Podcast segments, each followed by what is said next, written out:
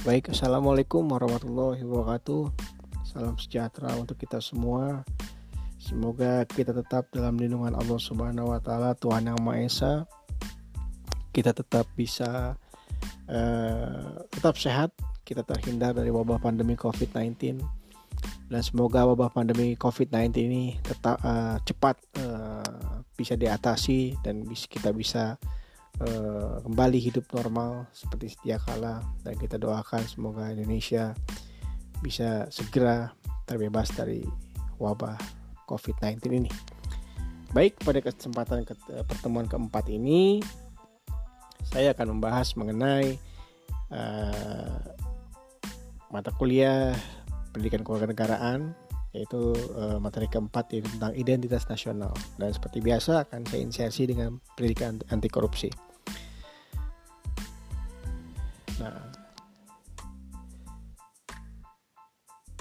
Kalau kita pelajari ya mengenai identitas, identity gitu ya.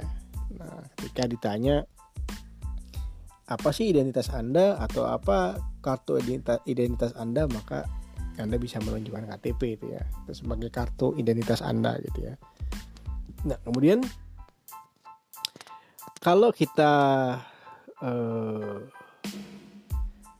pahami teori sedikit Indonesia itu kan berasal dari bahasa Yunani.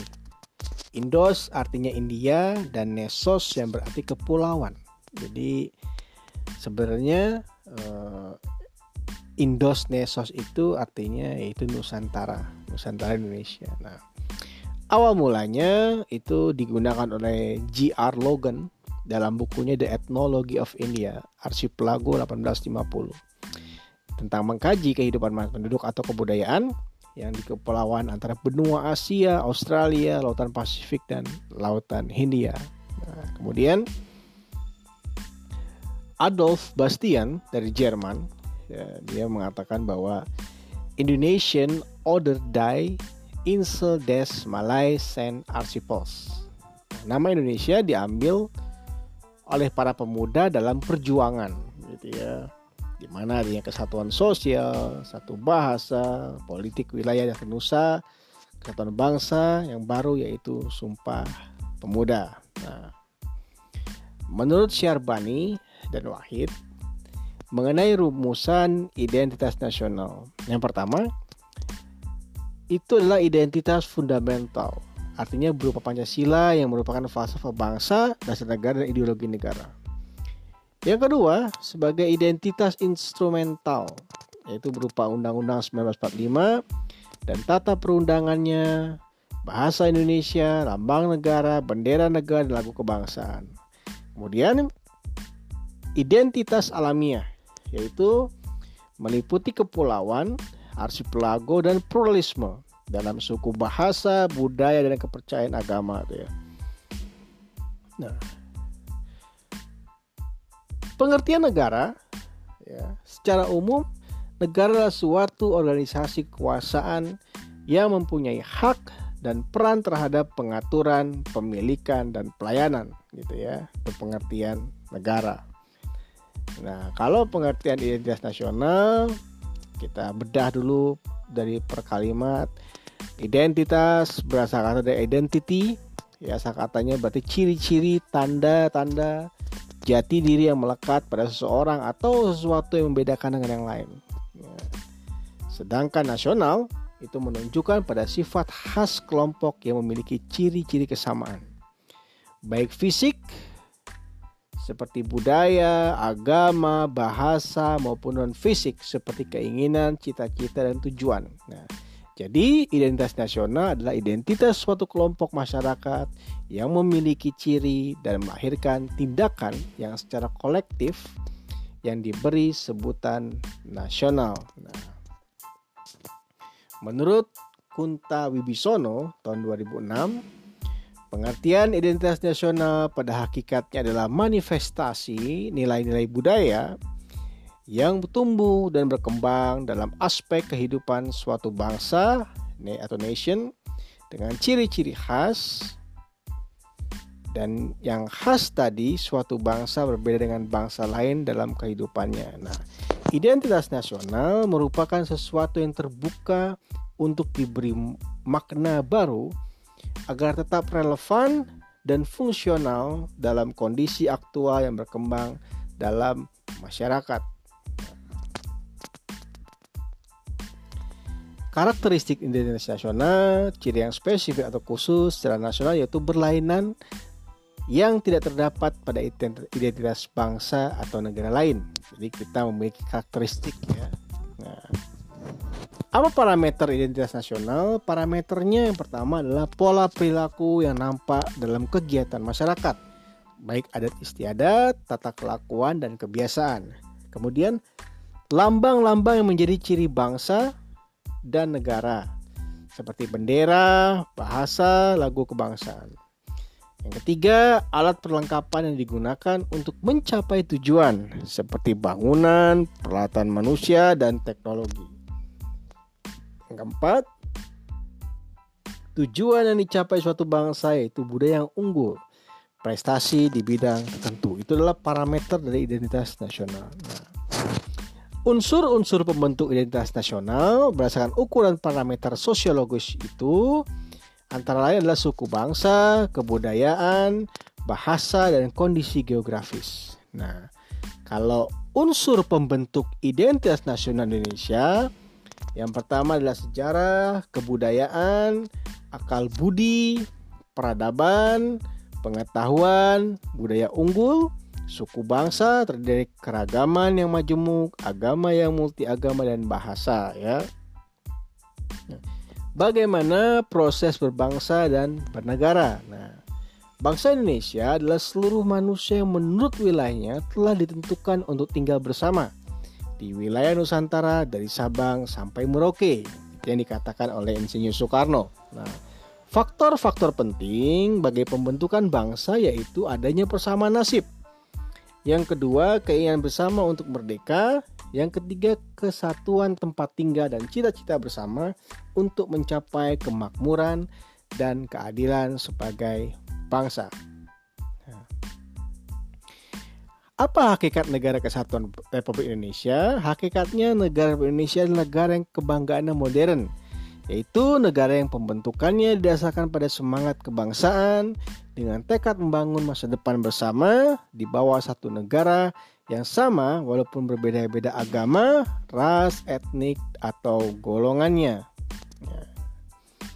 Bagaimana proses terbentuknya negara Indonesia?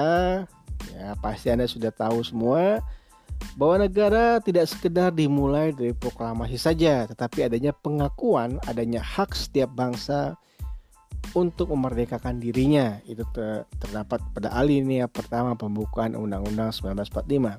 Adanya perjuangan bangsa Indonesia melawan penjajahan dan menghasilkan proklamasi yang mengantarkan ke pintu gerbang kemerdekaan. Nah, kemudian negara yang kita cita-citakan menuju pada keadaan merdeka, bersatu, berdaulat, adil dan makmur.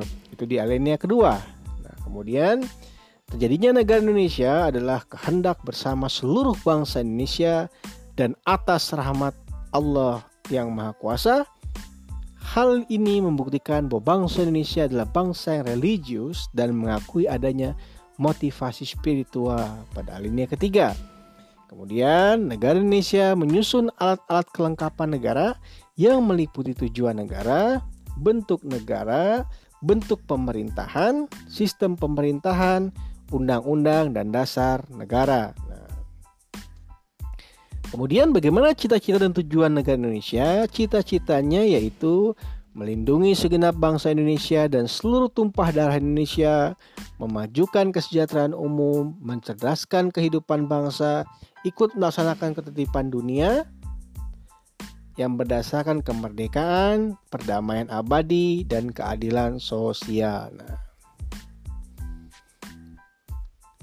Apa visi bangsa Indonesia? Visinya adalah terwujudnya masyarakat Indonesia yang damai, demokratis, berkeadilan, berdaya saing, maju dan sejahtera dalam wadah negara kesatuan Republik Indonesia yang didukung oleh manusia Indonesia yang sehat, mandiri, beriman, bertakwa, berakhlak. kemudian cinta tanah air, kesadaran hukum dan lingkungan, menguasai ilmu pengetahuan dan teknologi, serta memiliki etos kerja yang tinggi serta berdisiplin. Nah, itu mengenai visi bangsa Indonesia. Nah,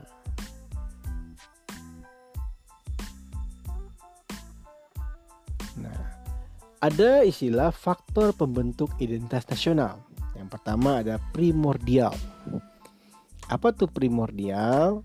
Nah, meliputi kekerabatan darah dan keluarga, kesamaan suku bangsa, daerah asal atau homeland, bahasa dan adat istiadat. Sakral dapat berupa kesamaan agama yang dipeluk masyarakat atau ideologi doktriner yang diakui oleh masyarakat yang bersangkutan. Agama dan ideologi merupakan faktor sakral yang dapat membentuk bangsa negara.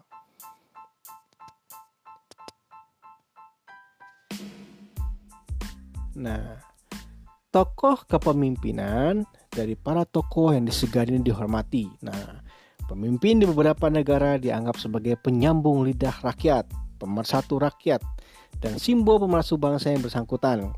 Contohnya seperti the founding father kita, Soekarno di Indonesia, Nelson Mandela di Afrika Selatan, Mahatma Gandhi di India, dan Tito di Yugoslavia. Nah, Bhinneka Tunggal Ika itu prinsip kesediaan warga bangsa bersatu dalam perbedaan atau unity in diversity. Nah, nah kemudian kira-kira apa saja sih yang menjadi bagian dari identitas nasional? Yang pertama adanya bahasa nasional atau bahasa persatuan yaitu bahasa Indonesia. Kemudian bendera negara yaitu sang saka merah putih.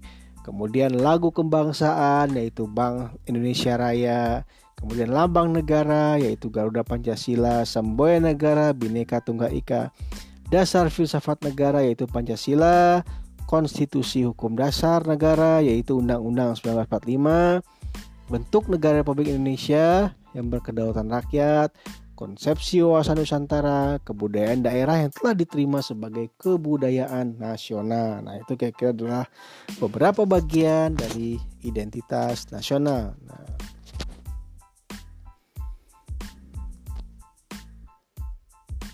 nah ada namanya proses berbangsa dan bernegara itu dari fase nasionalisme lama yaitu dengan adanya kerajaan Sriwijaya ya kemudian adanya kerajaan Majapahit. Nah itulah fase nasionalisme lama. Kemudian adanya uh, yang fase uh, nasionalisme modern yaitu adanya Budi Utomo ya tahun 1908 kemudian Sumpah Pemuda tahun 28 Oktober 1928 jadi proses bernegara itu di Indonesia dari Pancasila 1 Juni 1945, Piagam Jakarta 22 Juni 1945, Proklamasi Kemerdekaan Indonesia tahun 17 eh, Agustus 1945 dan penetapannya. Kemudian Undang-Undang Dasar Republik Indonesia tahun 1945. Nah, apa yang dimaksud dengan bangsa? Nah, bangsa itu adalah sekelompok manusia yang memiliki cita-cita, memiliki sejarah hidup bersama, memiliki adat budaya kebiasaan, memiliki karakter ya. Kemudian menempati suatu wilayah tertentu, terorganisir dalam pemerintahan berdaulat sehingga mereka terikat dalam suatu masyarakat hukum. Nah, jadi faktor-faktor penting dalam pembentukan bangsa itu karena adanya persamaan nasib, karena adanya keinginan untuk merdeka, kesatuan tempat tinggal wilayah dan cita-cita bersama. Ini adalah faktor-faktor penting pembentukan bangsa Indonesia. Anda harus apakan itu. Nah, Indonesia dikenal sebagai bineka tunggal ika, beraneka ragam, terkenal dengan budayanya, ya, dengan uh, makanannya, dengan seninya, dengan alat-alatnya, alat musiknya luar biasa dan itu adalah merupakan keragaman Indonesia dan ciri khas. Nah,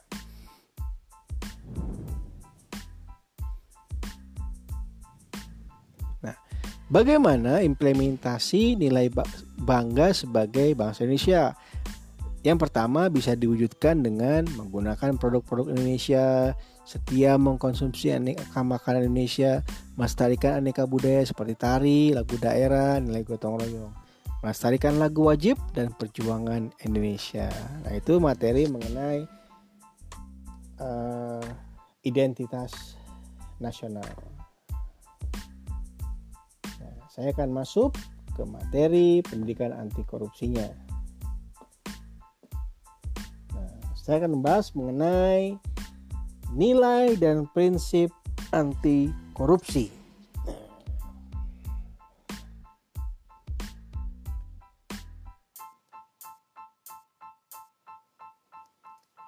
Ada beberapa penyebab korupsi. Ya.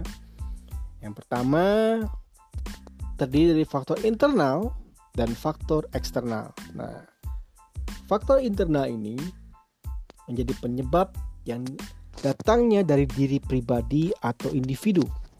Ya. Nah, faktor eksternal berasal dari lingkungan atau sistem. Nah, pencegahan korupsi dapat dilakukan dengan menghilangkan atau setidaknya mengurangi kedua faktor tersebut. Nah,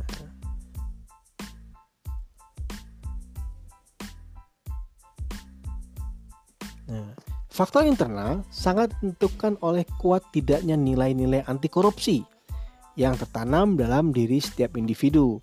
Nah, nilai-nilai anti korupsi itu perlu diterapkan oleh setiap individu untuk dapat mengatasi faktor eksternal agar korupsi tidak terjadi. Nah, untuk mencegah terjadinya faktor eksternal, selain memiliki nilai-nilai anti korupsi, setiap individu perlu memahami dengan mendalam mengenai prinsip-prinsip anti korupsi. Ada nilai-nilai anti korupsi. Yang pertama, kejujuran. Yang kedua, kepedulian. Yang ketiga, kemandirian. Yang keempat, kedisiplinan. Yang kelima, tanggung jawab. Yang keenam, kerja keras. Yang ketujuh, kesederhanaan. Yang kedelapan, keberanian. Dan kesembilan adalah keadilan. Itu adalah merupakan nilai-nilai anti korupsi. Nah, kalau bicara tentang prinsip-prinsip anti korupsi, yang sudah pasti itu terdiri dari akuntabilitas, transparansi, kewajaran, kebijakan, kontrol kebijakan. Nah, nah mari kita bahas tentang kejujuran. Dari nilai anti korupsi tadi, yang pertama adalah kejujuran. Artinya, jujur dapat didefinisikan sebagai lurus hati, tidak berbohong, dan tidak curang. Jujur adalah satu sifat yang sangat penting bagi kehidupan mahasiswa. Nah, tanpa sifat jujur, mahasiswa tidak akan dipercaya dalam kehidupan sosialnya. Jadi Anda sebagai mahasiswa, Anda harus menjadi orang yang jujur. Nah, nilai kejujuran dalam kampus dapat diwujudkan dengan bentuk tidak melakukan kecurangan akademik. Nah, misalnya tidak mencontek, tidak melakukan plagiarisme, dan tidak memasukkan nilai. Nah, nilai kejujuran juga dapat diwujudkan dalam kegiatan kemahasiswaan, misalnya membuat laporan keuangan kegiatan kepanitiaan dengan jujur. Nah, yang kedua kepedulian. Nah, kepedulian itu artinya mengindahkan, memperhatikan, dan menghiraukan. Nilai kepedulian sangat penting bagi seorang mahasiswa sebagai calon pemimpin masa depan, seorang mahasiswa perlu memiliki rasa kepedulian terhadap lingkungannya, baik lingkungan di dalam kampus maupun di luar kampus. Nah, kepedulian seorang mahasiswa itu bisa mulai ditumbuhkan sejak berada di kampus. Misalnya, mahasiswa dituntut untuk peduli terhadap proses belajar mengajar di kampus, terhadap pengelolaan sumber daya di kampus, serta berbagai hal yang berkembang di dalam kampus. Mahasiswa juga dituntut untuk peduli terhadap lingkungan di luar kampus, terhadap kiprah alumni, dan kualitas produk ilmiah yang dihasilkan oleh perguruan tingginya. Nah, nilai kepedulian dapat ditujukan dalam bentuk antara lain berusaha ikut memantau jalanan proses pembelajaran, memantau sistem pengelolaan sumber daya di kampus, memantau kondisi infrastruktur lingkungan kampus, Kemudian nilai kepedulian juga dapat diwujudkan dalam bentuk mengindahkan seluruh peraturan, ketentuan yang berlaku di dalam kampus dan di luar kampus. Kalau kemandirian, kondisi mandiri bagi mahasiswa dapat diartikan sebagai proses mendewasakan diri itu dengan tidak bergantung pada orang lain untuk mengerjakan tugas dan tanggung jawabnya. Nah, hal ini penting untuk masa depan, di mana mahasiswa tersebut harus mengatur kehidupannya dan orang-orang yang berada di bawah tanggung jawabnya. Nah, kemandirian itu tidak kemandirian itu tidak mungkin orang yang tidak dapat mandiri akan mampu mengatur hidup orang lain. Makanya mahasiswa itu dituntut untuk mengerjakan semua tanggung jawab dan usahanya sendiri. Nah, nilai kemandirian dapat diwujudkan antara lain dengan bentuk mengerjakan soal ujian secara mandiri, mengerjakan tugas-tugas akademik secara mandiri, dan menyelenggarakan kegiatan kemahasiswaan secara swadana gitu ya. Nah, kedisiplinan, nah definisi dari disiplin adalah ketaatan kepada peraturan Mengatur kehidupan kampus, baik akademik maupun sosial mahasiswa perlu hidup disiplin. Nah, hidup disiplin bagi mahasiswa adalah dapat mengatur dan mengelola waktu yang ada untuk dipergunakan dengan sebaik-baiknya untuk menyelesaikan tugas, baik dalam lingkup akademik maupun sosial kampus. Nah, manfaat dari hidup disiplin adalah mahasiswa dapat mencapai tujuan hidupnya dengan waktu yang lebih efisien Disiplin juga membuat orang lain percaya dalam mengelola suatu kepercayaan atau trust. Disiplin dalam belajar perlu dimiliki oleh mahasiswa agar diperoleh hasil pembelajaran yang maksimal. Nah, nilai kedisiplinan dapat diwujudkan antara lain dalam bentuk kemampuan mengatur waktu dengan baik, kepatuhan dengan seluruh peraturan ketentuan yang berlaku di kampus, mengerjakan segala sesuatunya tepat waktu dan fokus pada pekerjaan. Nah, tanggung jawab. Nah, tanggung jawab adalah keadaan wajib menanggung segala sesuatu kalau terjadi apa-apa boleh dituntut, dipersalahkan dan diperkarakan. Nah, mahasiswa yang memiliki rasa tanggung jawab akan memiliki kecenderungan menyelesaikan tugas lebih baik. Mahasiswa yang memiliki rasa tanggung jawab akan mengerjakan tugas dengan sepenuh hati. Nah, mahasiswa yang dapat diberikan tanggung jawab yang kecil dan berhasil melaksanakan dengan baik akan memperoleh kepercayaan dari orang lain. Mahasiswa yang memiliki rasa tanggung jawab yang tinggi mudah dipercaya orang lain. Nah, jadi tanggung jawab itu harus menjadi apa ya? Baik lagi itu harus menjadi identitas Anda supaya Anda bisa dipercaya oleh orang lain gitu ya. Nah, tanggung jawab nah, tanggung jawab adalah menerima segala sesuatu dari sebuah perbuatan yang salah, baik disengaja maupun tidak disengaja. Nah, tanggung jawab tersebut berupa perwujudan kesadaran dan kewajiban menerima dan menyelesaikan semua masalah yang telah dilakukan. Tanggung jawab juga merupakan suatu pengabdian dan pengorbanan. Nah, jadi, tanggung jawab itu merupakan nilai penting yang harus dihayati oleh mahasiswa. Penerapan nilai tanggung jawab antara lain dapat diwujudkan dalam bentuk belajar sungguh-sungguh, lulus tepat waktu dengan nilai baik, mengerjakan tugas akademik dengan baik, menjaga amanah dan kepercayaan yang diberikan. Nah.